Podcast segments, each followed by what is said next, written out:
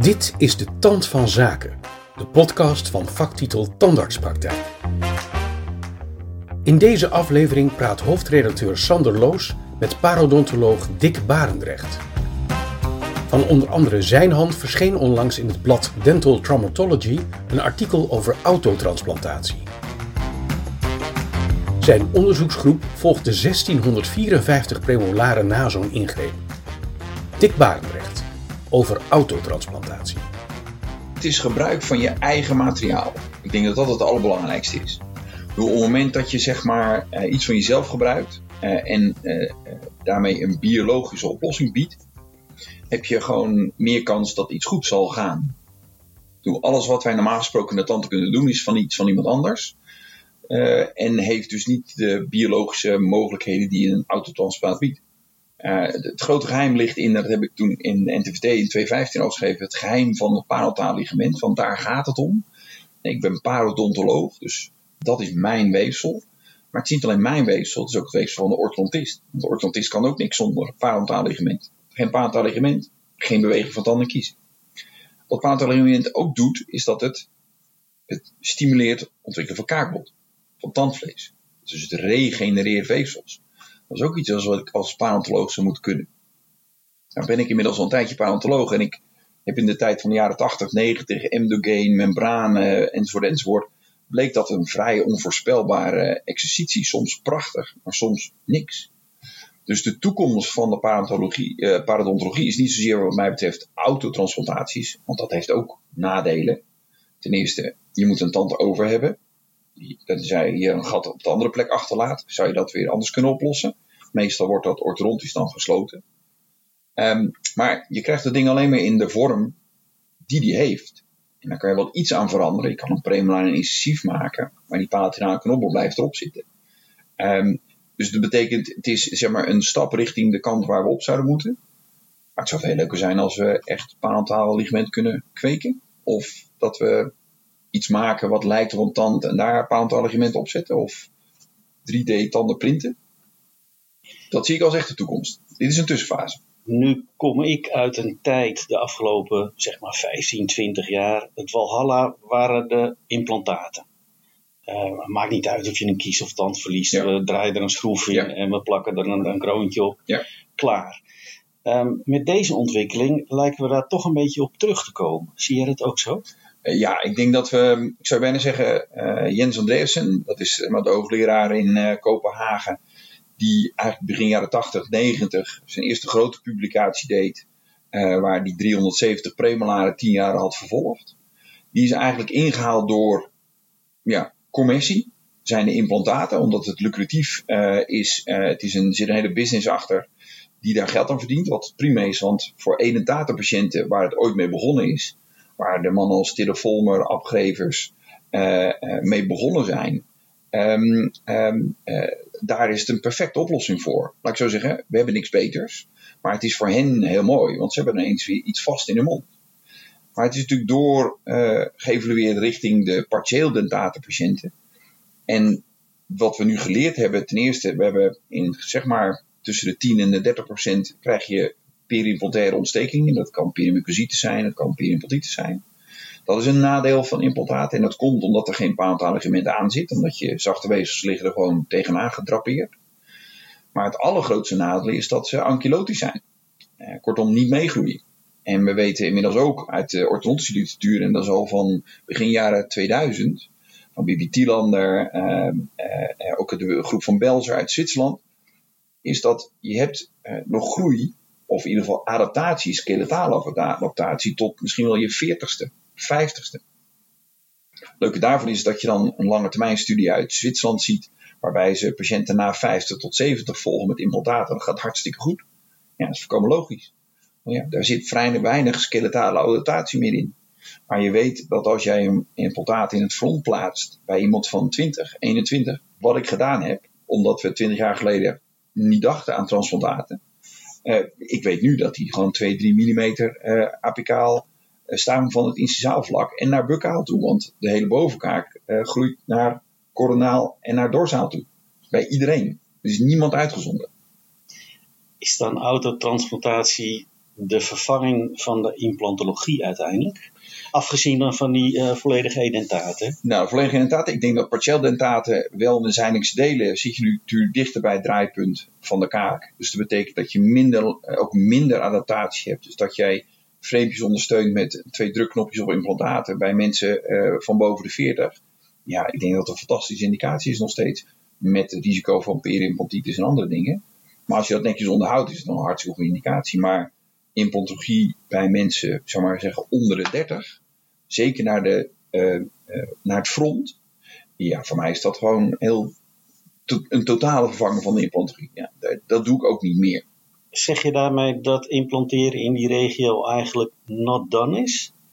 Ik, ik zou, het, nog geen, ik zou het geen malpraxis willen. Dat gaat misschien erg ver. Ik, maar... zit, ik zit in de buurt. Ja, meen je dat? Ja. Dat is, dat is heftig. Nou ja, tenzij je aan die patiënt vertelt dat hij over tien jaar weer opnieuw moet. En dat is hetzelfde als dat je zeg maar, bijvoorbeeld een frontje met composiet mooi op, uh, opleukt. Hè, van uh, mooie weer knobbeltjes erop. En je hebt niet gekeken naar slijtage enzovoort. Je zegt de patiënt, joh, voor mij tot de voordeur, als alles eraf valt, dan moet je niet bij mij zijn. Ik had meer willen doen, maar je wil alleen maar dit. Kijk, als die patiënt nu zegt van, joh, ik heb geen zin in orthodontie, want dat is meestal een onderdeel van transplanteren, omdat je toch iets moet doen. Dat hoeft niet heel lang te zijn, maar het zit er altijd eigenlijk bij. Tenzij je molaren dus een 8 naar een 6 transplanteert, dan kan je meestal zonder orthodontie wel uit. Als de patiënt daar geen zin in heeft, een quick fix wil en voor de komende twee jaar netjes uit wil zien, ja, dan is implantologie nog steeds een insteek. Dus het is niet dat je het niet moet doen, maar je moet wel uitleggen aan de patiënt wat dan de nadelen zijn en wat hij kan verwachten in na pakken mee 10 jaar dat hij gewoon opnieuw moet terug naar die autotransplantatie. Hoe zijn de ontwikkelingen daarin? Ik hoorde Bruno Loos, collega van jou, uh, vertellen over cryopreservatie. We vriezen uh, wat molaren in en over uh, 20 jaar halen we die uit de vrieskist en dan zetten we ze terug. Ja, dat is wel heel grappig. Dat, is helemaal niet oud. sorry, niet nieuw. Excuus. Het is zelfs hartstikke oud. in Gent, toen ik in 2003, 2004 daar ging kijken, cryopreserveren ze al. Uh, in Kopenhagen deden ze dat al. Uh, in Japan doen ze dat al jaren. Japanners hebben uh, net zoveel tandenkies als wij, maar de tweede premolaren en de achter die zijn eigenlijk over, want het past gewoon niet. Dus dat betekent dat zijn cryopreserverende elementen inderdaad. En die kan je inderdaad weer ontdooien en netjes op een plek zetten en dan gaat het weer goed. Alleen cryopreserveren is wel mm, redelijk duur. Zo'n koelkast is best wel kostbaar. Ik wou zeggen. Dus dat maakt het experimenteel best leuk om te doen. Uh, het lijkt me hartstikke leuk om te doen, maar uh, dat kost echt nou, veel geld om dat voor elkaar te krijgen. Je moet ook weten hoe het werkt. Maar er zijn verschillende publicaties waarbij heel succesvol is. En zeker vanuit uh, Kopenhagen hebben ze daar veel dingen aan gedaan. Dus dat werkt als je dat zo wilt. Alleen kostentechnisch is dat eigenlijk niet te verkopen. Het is niet zo dat je een, een, een molaar in een boterhamzakje stopt en thuis in de vriezer legt en een uh, aantal jaar later nee, eruit reserveren, dan zit je echt gewoon uh, bij Kelvin graden ja. uh, naar die Dus dat is, dat is echt iets heel groots. Wat je wel kan doen, en dat hebben we nu een aantal keer gedaan, is dat je bijvoorbeeld een element in de omslagplooi plaatst. Dus dat je hem zeg maar onder het periost parkeert, zou maar zeggen. En ja, het, het werkt. Het heeft wel natuurlijk een dubbele eh, transplantatie is. Want je transporteert hem eerst naar de omslagplooi en dan zet je hem weer terug. Mm, tot nu toe gaat het goed. Dit is niet iets wat we op uh, dagelijkse basis doen. Maar als het zo uitkomt en dat element kan niet meteen naar zijn goede locatie toe, dan is dat een, een tussenstap. Daarmee blijft het parodontaal, ligament behouden als ja. je hem onder het perios begraaft. Ja, je krijgt zelfs gewoon een nieuwe alveole. Ja, je maakt gewoon aan de buccale zijde er wordt gewoon een nieuwe alveole gemaakt. Het is uh, onbegrijpelijk wat de natuur doet. Of liever gezegd, onbegrijpelijk wat parodontaal ligament allemaal kan. Het is een ongelooflijk robuust um, weefsel. Hoe lang kan je dat op die manier bewaren in de omslagplooi? Zolang uh, het netjes gesloten is. Uh, het is nu de langste periode dat ze er twee jaar in zitten. Het is meestal de duur van de orthodontische behandeling. Hè. Dus dan op een gegeven moment dan, kan je dan dat element, als er dan op de diasteem waar het element naartoe moet ruimte is, dan kan je hem uit de omslagplooi halen en dan zet je hem op de nieuwe plek. Ja. Parodontaal ligament, jouw hobby, om het zo maar even ja, te zeggen. eigenlijk wel. Um, Gaan we dat ook binnenkort zelf kweken? Ik weet, uh, ik ben een, is niet mijn métier omdat ik weet uh, wie wat aan het doen is. Ik weet dat er in Sheffield uh, Paul Sharpie, dat is wel een grappige naam overigens, um, die kweekt het nog niet. Die kweekt wel elementen waar we inmiddels wel goed in zijn. En daar zijn ze op ACT ook mee bezig. Is dat je pulpaweefsel kweekt. Dat bestaat al. het vervelende is alleen wat ik begreep dat parental is heel moeilijk te begrenzen, want dat moet ook ergens ophouden. Ehm, en dat is met pulpenweefsel blijkbaar makkelijker. ik zit een beetje buiten mijn comfortzone te praten, maar dat is wat ik van begrepen heb. Dus het is nog niet zo dat we zeggen inderdaad dat, dat we het kunnen kweken. Dat kan. Alleen dan weten we niet waar het precies blijft. Zou ik zeggen. Zou het mooi zijn als je parodontaal ligament kan kweken rondom implantaten? Nou, dat is een beetje waar ik op zin speelde. Ik denk niet dat we. Ik, ik, zit meer, ik denk meer dat we richting 3D-printen zullen gaan. Want er worden al delen van slokdarmen 3D geprint met uh, levende cellen. Dat bestaat al. Um, uh, dus ja, dat je de, de harde massa, zal maar zeggen, dus dentine en het glazuur, dat je dat min of meer in een vaste vorm hebt. Of dat je dat kopieert van het buurelement als dat er nog is. En dat je daarop dan parentaal ligament kweekt, wat je dan netjes op de plek zet. Ja, dat zou het ideale zijn, zou ik bijna zeggen. Ja.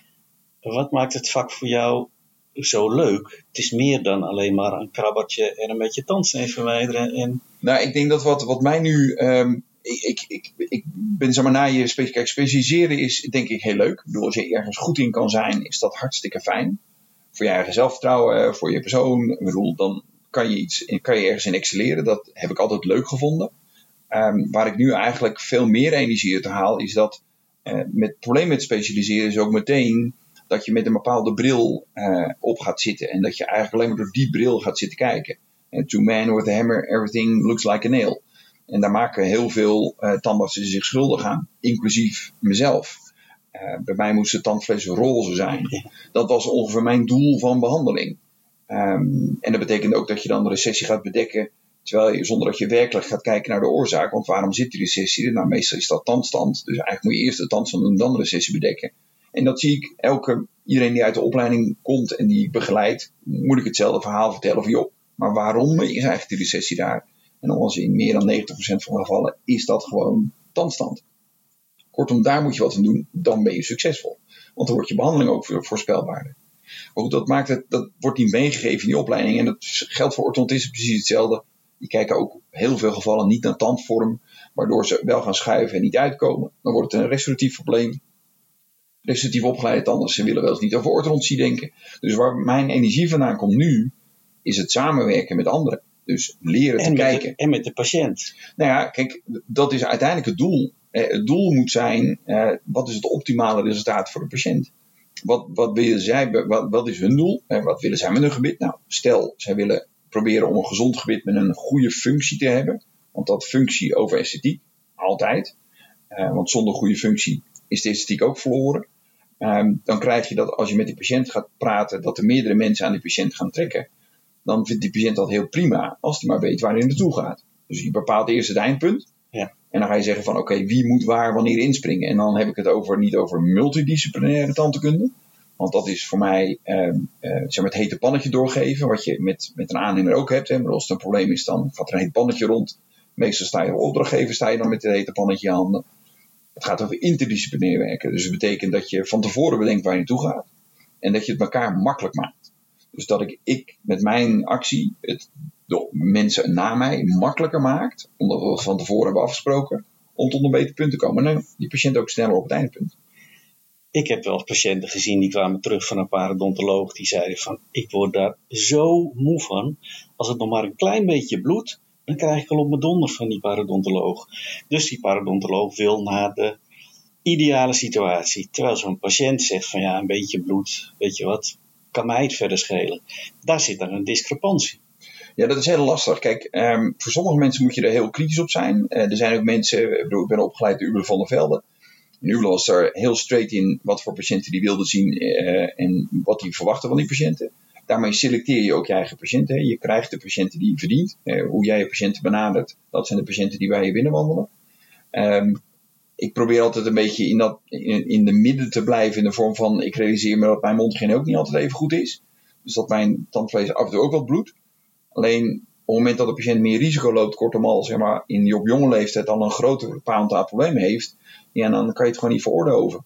Dan kan je zeggen, joh, het is je eigen risico wat jij loopt doordat je het minder goed schoonmaakt. Maar dan gaat het om mis. Ik bedoel, dan kunnen we ook momenten hebben dat we afscheid nemen. We zeggen, joh, als jij het niet kan opbrengen, Dan houdt het op. Dan houdt het op. Dan is het, uh, Hans Verpelt had daar wel een mooie uh, uitspraak over. Het is, het is opbouw, verbouw of afbouw. Dat zijn eigenlijk dat zijn je drie zorgrichtingen die een patiënt kan hebben.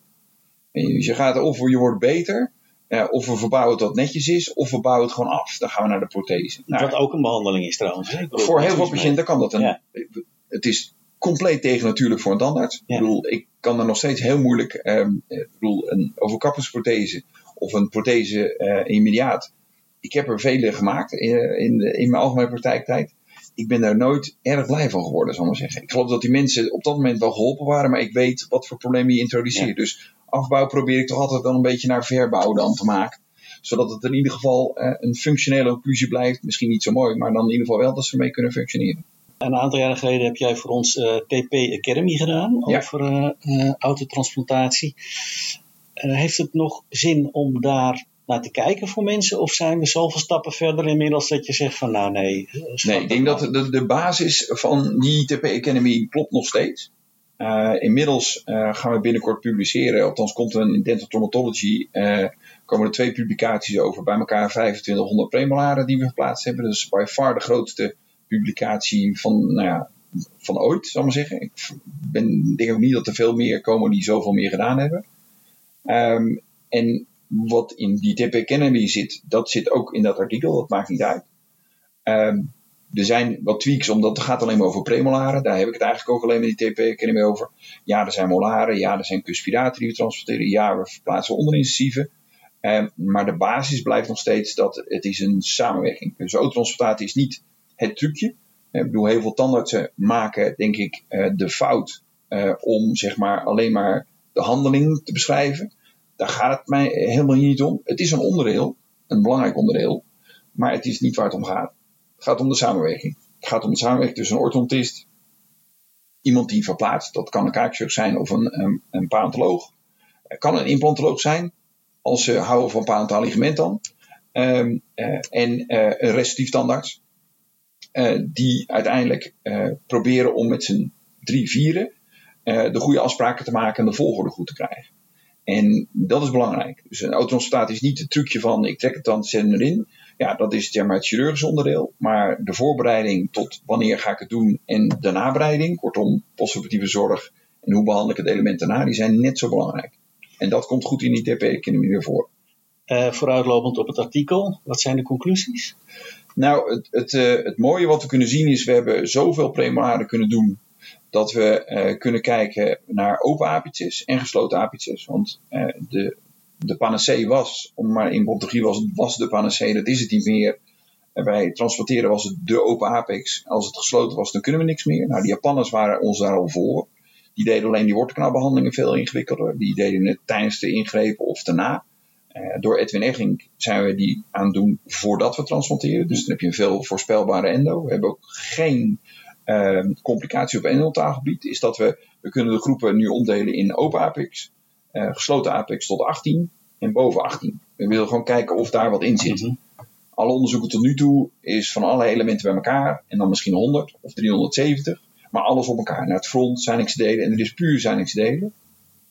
Dan zie je dat uh, bij uh, mensen met een open apex, dat is dus per definitie onder 18, uh, en mensen onder 18 met een gesloten apex, dat de, de succespercentages na 10 jaar succes 99% en meer is. Belachelijk veel, eigenlijk. Uh, succes van implantaten overigens, na 10 jaar, volgens onderzoek dan 80. Mm -hmm. Even voor het idee. Uh, dat zien we eigenlijk dat bij oudjes, nou, sorry, maar zoals jij en ik, um, uh, dan krijg je dat, er zitten we rond de 83%. Daar zien we meer ankylose, dat is nog steeds 1, 2 procent uiteindelijk op het totaal. Uh, waar we inmiddels wel weer wat aan het uh, verbeteren zijn, omdat we die elementen eerder aan het belasten zijn. We belasten ze nu, althans in het onderzoek, na zes weken. Inmiddels zijn we dat soort elementen bij oude mensen na drie weken aan het belasten, waardoor je al sneller ja. in stimulatie en zien we veel minder ankylose. Dus we zijn aan het verbeteren, maar dat heeft tijd nodig. U hoorde Sander Loos in gesprek met parodontoloog Dick Barendrecht. De TP Academy over autotransplantatie vindt u op de website van Tandartspraktijk www.tandartspraktijk.nl